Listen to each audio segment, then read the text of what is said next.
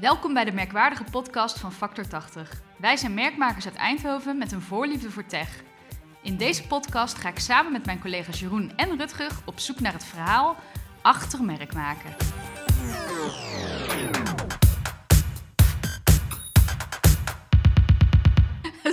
ik dacht, die moeten we op de microfoon plakken. Uh, tegen die tijd gaan we gewoon een keer onze eigen plopkappen bestellen. Ja, dat vind ik wel leuk. En dan in de vorm van, een, uh, van die cactus. Zou je een cactusplopkap hebt. au, au, au. Ja.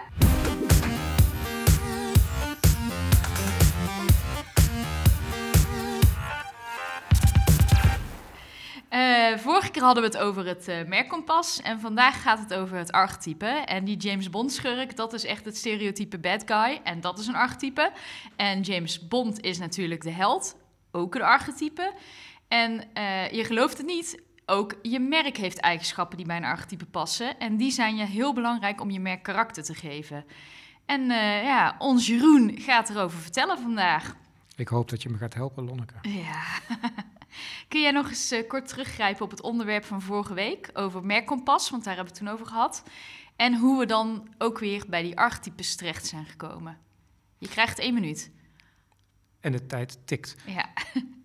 Archetypes die, nee, archetypes die hangen heel vast aan het, uh, het onderwerp van vorige keer, uh, het merkkompas. Um, wat mij betreft geldt het merkkompas als een, een overkoepelend iets. En de menselijke drijfveren die we daar eigenlijk hebben besproken, dat zie ik vaak als de why. Waarom doe je met je merk dingen die je doet? En met het archetype probeer je daar ook meer karakter aan te geven. En gaat het eigenlijk meer om het hoe zet je die drijfveren waar je s'morgens je bed uit voorkomt, zeg maar, mm -hmm. als, als merk. Hoe zet je die in de markt? Welke tone of voice hang je daaraan? Welke, ja, net als een mens een karakter heeft, uh, ja. geef je daarmee je merk ook karakter.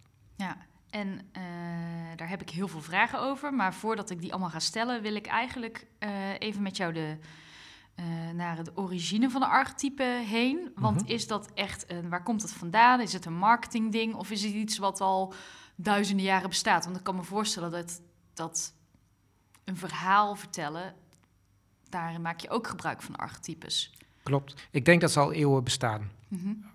Dan wel benoemd, dan wel niet benoemd. En ik denk dat Carl Jung degene is die er een woord aan heeft gehangen. En, en wie was dat? Carl Jung is een... Uh, Carl, Carl? Nee, Carl, Carl. Ja. Niet, geen Carl Jung. Carl Jung kun je mooie muziek mee maken. Met ja. Carl Jung denk ik niet.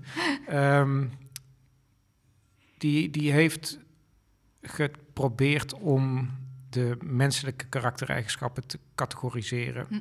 Uh, is ook wel een beetje tegenstrijdig geweest en is ook wel bekritiseerd geweest. Dus de vraag is, is het helemaal wetenschappelijk onderbouwd? Hm, misschien niet, maar dat vind ik denk ik het minst belangrijke. Waar, waar het om gaat is dat je uh, vanuit dat verhalen vertellen om het kampvuur, wat je zegt, ik, da, daar ontstaan een heleboel dingen. Mm -hmm. uh, daar kunnen we een heleboel dingen op terugleiden. En in een verhaallijn van het vertellen van de ene generatie op de andere generatie maak je gebruik van die karaktereigenschappen van, ja. van een persoon. Dus het is verre van een marketingmerk ding. ding. Maar het helpt uh, wel om je verhaal te vertellen als merk en om te laten zien wie je bent. Zeker. En wat het, wat het wat mij betreft, het belangrijkste wat het doet is ook weer wat we bij die drijfveren ook zagen, is het, het brengt die focus aan in je merk. Ja. Het zorgt ervoor dat je een keuze maakt voor een archetype en daarmee uh, herkenbaar wordt voor je doelgroep. En ja. als je geen archetype zou kiezen en je bent de ene dag ben je de grapjas en de volgende dag ben je uh, super serieuze mm -hmm. wetenschapper. Ja dan zit daar een bepaalde rare tegenstrijdigheid in. Dat is hetzelfde eigenlijk als dat je uh, jouw vrienden, bekenden zullen jou ook uh, zien en, en, en horen als een bepaald mm -hmm. type, als een bepaald ja. karakter.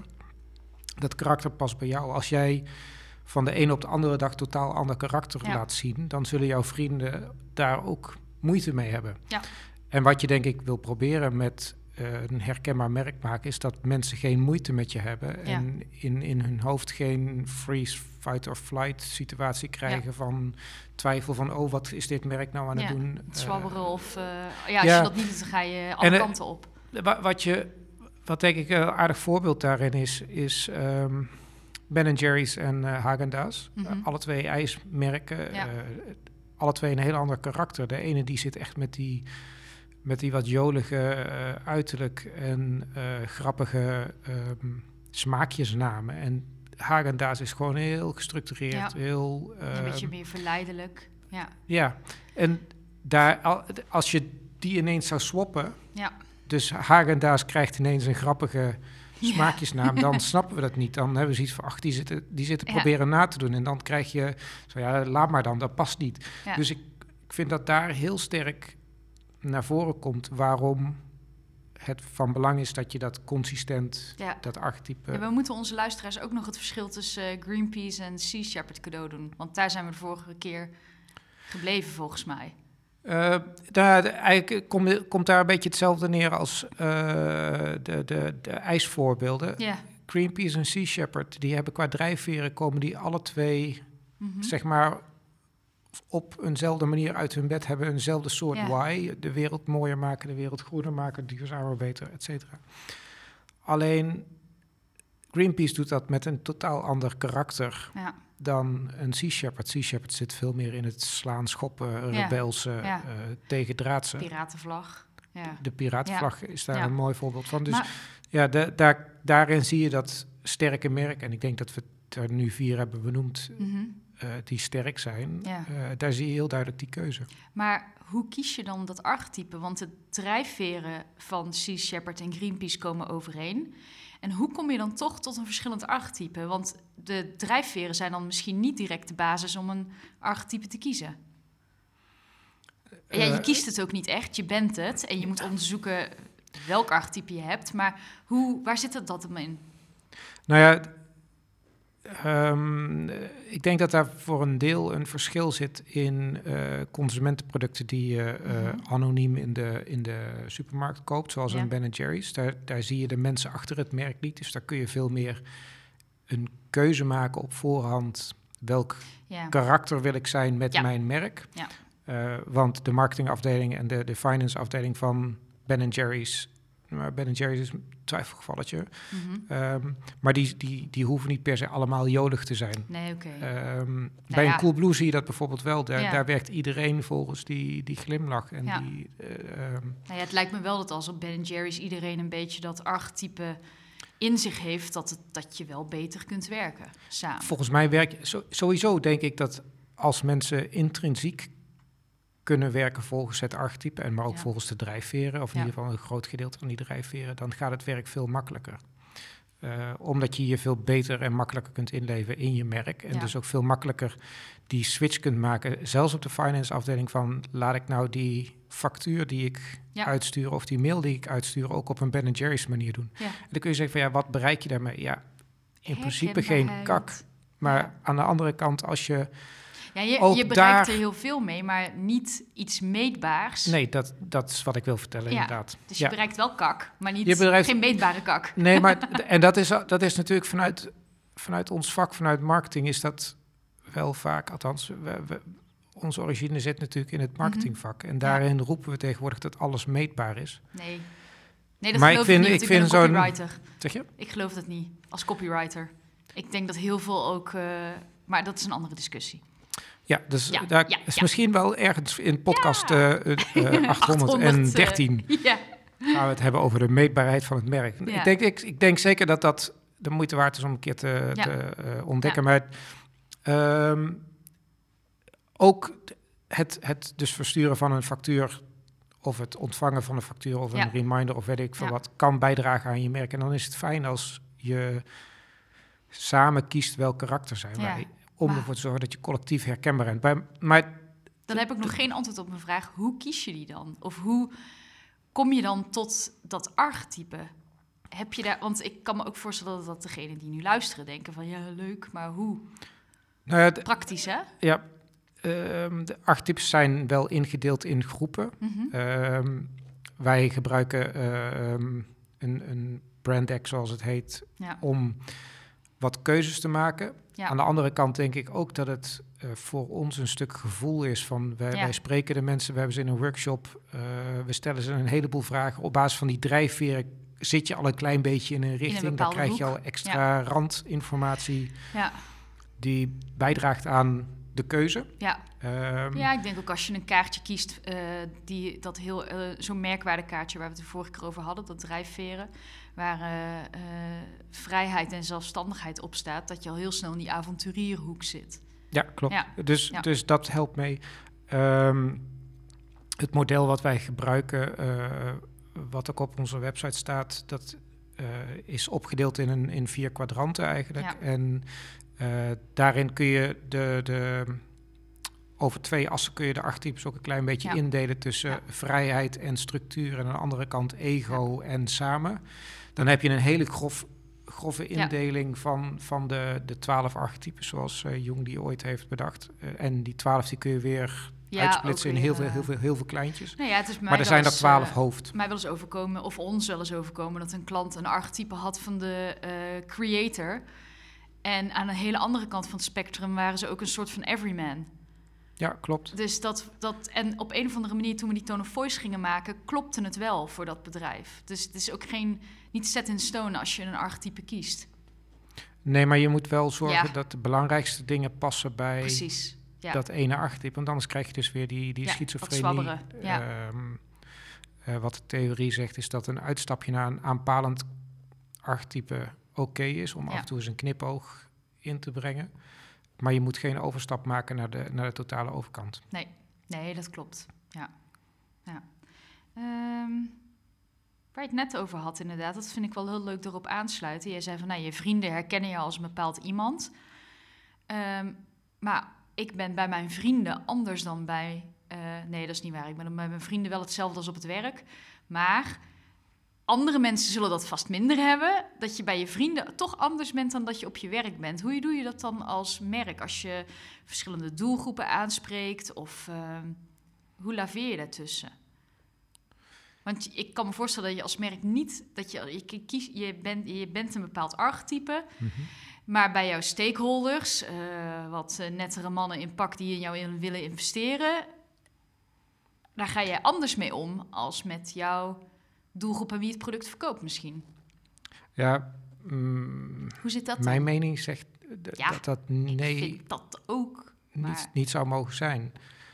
Want ik vind ook dat die mannen in pak die gaan investeren in jouw organisatie, Mhm. bij wijze van spreken, moeten zien wie jij bent en wie Ja. jij dus vertegenwoordigt Ja. aan de daadwerkelijke klant. Want Ja. het gaat die investeerders er ook om dat ze zien waar ze in investeren en hoe dat naar de markt toe gebracht wordt. Dus ik, Ja, ik vraag me heel sterk af of je daar een verschil in moet brengen. En Ja. ik, wat, wat, ja, die discussies heb ik regelmatig wel met klanten inderdaad. nou ja, van, oh, we moeten wat serieuzer communiceren naar dit. En dan... eh, dus daar, daar is wel een Nou, spagaat waar je in kunt we komen. helemaal hè? eens. Ik heb die discussies ook wel eens Ja. gehad met een, eh, een organisatie die zei van ja, ik wil naar mijn klanten wil ik een andere communicatie hebben dan Ja. naar mijn arbeidsmarktcommunicatie. Dus Wat vinden wij daarvan? zeg je? Wat vinden wij daarvan? Ik ben het er niet mee eens. Nee, want ik, ik, Nee. Ehm, ik vind het heel raar dat, dat als ik als sollicitant, want ik ga hem even vanuit sollicitant Ja. bekijken en ik ga de sollicitatiewebsite of de, de, de arbeidsmarktcommunicatiewebsite ga ik Mhm. bekijken. En ik kom daar hele vrije, frivole tekst tegen. En Ja. ik ga toch eventjes op de website kijken, op de normale website Ja. van, van de organisatie, van wat voor producten leveren ze. En ze hebben daar u. En dan denk is ik van, raar. ja, maar Ja, wat, wat wil je nou? En de een van de twee is niet authentiek. nee. En ik heb het idee eh, dat authenticiteit eh, wordt steeds belangrijker Ja. in de wereld, want de wereld wordt Ja. transparanter. We zijn allemaal mens en we zien, goed, wij zitten veel in de B2B en daar is het gewoon heel erg mensgedreven. Ja, en toch willen heel veel B2B-bedrijven inderdaad die arbeidsmarktcommunicatie, want die discussie had ik laatst ook, die willen we lekker vrij. Maar ik wil op de website serieuzer. En dan ja, ben ik het niet. vind ik heel raar als ik al die teksten. En ik ben ook heel benieuwd eh, voor iedereen die nu luistert, wat zij daarvan vinden. Hoe sta je daar tegenover? Want het is Ja, wel laat vooral een weten. ongoing discussion, zeg maar, die wij ook voeren. En waar wij het antwoord ook niet altijd op hebben. Behalve dan dat wij vinden dat je overal authen- authentiek in moet zijn. Ja, maar Ja. Dat, dat is A, het makkelijkste. Ja. Om, om het op één stijl te houden. Ja. En ik wil niet zeggen dat makkelijk per se altijd de beste manier is. Maar in dit geval vind ik iets wat je intrinsiek doet, doe je gemotiveerd. En ik ben tegen toneelspelen, behalve als je weet dat je naar een toneelstuk zit te kijken. Ja. Ehm, Ja, dus ja, ja, daar, daar, moet je, daar moet je een keuze in maken. ja. Kun jij een eh, praktisch voorbeeld geven van, nou, je hebt je archetype ontdekt, je bent bijvoorbeeld eh, de lover. Hoe ga je dat laden? Wat, wat is een, een een voorbeeld hoe je dat kunt doen? Ehm, de Lover, dat is een eh, leuk voorbeeld. Ehm, nou je, je gaat in ieder geval je klant helemaal inpakken. En Ja. je gaat... eh, nou, om, eh, wat de makkelijkste voorbeelden zijn met archetypes, dat zijn altijd de automerken. Geen idee waarom, Ja. maar de, die, Ja. dat zijn sterke merken over het algemeen. Dus daar kun je ook vrij makkelijk eh, de keuze in maken. En daarin zie je dat Alfa Romeo het ook echt heeft over die passie voor rijden. en de passie voor design. En de. Ja, het, het is sexy om in een Alfa Romeo te rijden. ja. De, de, de verhalen vanuit vroeger is natuurlijk dat die dingen wegroesten om je kont. maar ze, ze zijn ja wel sexy. schoonheid vervlucht het heel snel. Maar ehm, Ja. die hebben dat fantastisch uitge- uitgedacht. Ja, Kijk, wa- wat, wat ik dan wel zou vinden is... en ik, ik ben eerlijk gezegd nog nooit bij een Alfa Romeo dealer binnen geweest. nee, Eh, nee. Maar dat ze dat daar ook doortrekken. En dat je daar een, Ja, dat een daar lekker niet, eh, chocolaatje van Magnum bij de ja. koffie krijgt. En nou goed, et cetera, et cetera. En dat daar die volle liefde wordt ja, doorvertaald. En ik, dat, dat zou dan het, het verhaal compleet maken voor mij. Kun je halverwege de rit ineens van archetype veranderen? Wat voor effect zou dat hebben? Stel, jij je hebt een, eh, eh, bij Coolblue komt er een, eh, een nieuwe CEO aan, eh, aan de macht en die bepaalt van, nee, ja, de tone of voice die we nu hebben en het archetype wat we nu hebben, eh, ik wil graag eh, de organisatie veranderen. Kan Ja, dat? Tu- tuurlijk, alles kan. Werkt dat? Nou ja, ehm, ki- kijk naar, ehm, en dan heb ik het alleen even over visueel. Kijk naar eh, de Gap, kledingmerk, Mhm. en het Lucifer-merk eh, de Zwaluw. Ja, Die ooit eens hebben geprobeerd om te buigen qua Ja. eh, filosofie. Ehm, dat is best lastig, dan heb je een hoop consumenten tegen je. ja, Ik weet een ander voorbeeld waar het wel eens gelukt is, de ethos. Die waren Ja. van eh, ontzettende, nou gewoon dozenschuiver. Die wilden Ja. meer naar de caregiver, naar de ja. warme ontvangst. En ik merkte ook, als je eh, daar binnenkwam, ja. de winkel ziet er veel mooier uit, veel zachtere Ja. kleuren. Nou de je reclames wordt welkom eh, gegeten. Ja, dat is nu al eindigen even ze nu met veel liefs ethos. Zeg je? In de reclames eindigen ze nou met veel liefs da- dat dus- vond ik eerst heel raar en nu klopt het. Maar ik weet wel dat ehm, het volledige personeel wat er werkt, heeft trainingen gehad. Ja. En daar hebben ze een half jaar tot een jaar voor uitgetrokken, volgens mij, om, dat, dan, om dat te doen.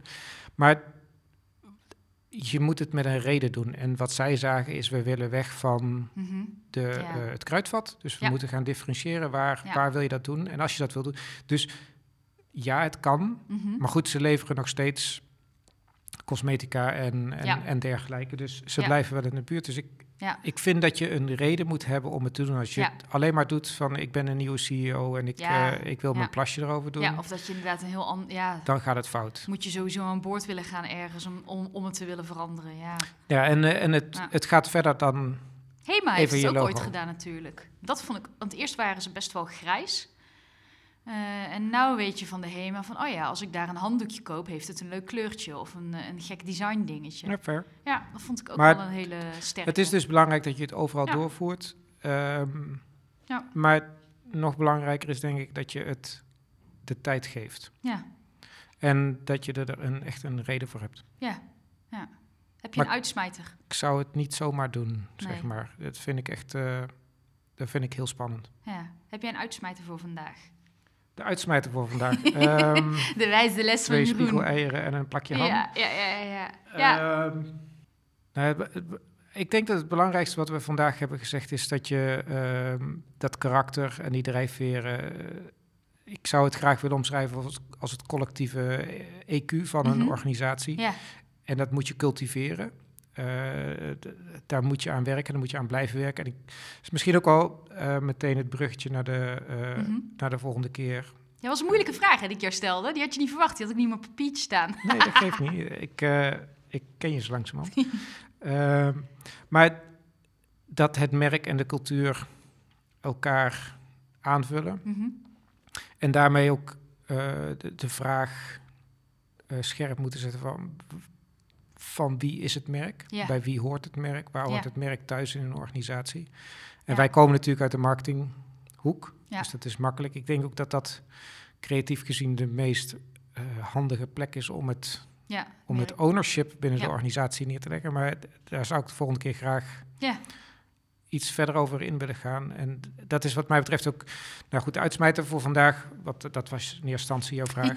Ehm, zowel de drijfveren als het archetype. Ja. Het is niet iets wat je aanzet, het is iets wat je moet Mhm. voeden. Het is iets waar je eh, Ja. heel veel energie en investering in moet stoppen. en en niet alleen maar qua je- geld, maar vooral ook qua... Wat je hele Tijd. organisatie ook moet doen. Want wat wij zeker. graag zien is dat eh, van verschillende lagen in de organisatie mensen eh, meedoen aan zo'n sessie om een Ja. merkkompas te maken. werkt het best. Maar uiteindelijk, waar leg je dan inderdaad de ownership weg? Want die kun je niet bij iedereen in je organisatie wegleggen, uiteindelijk.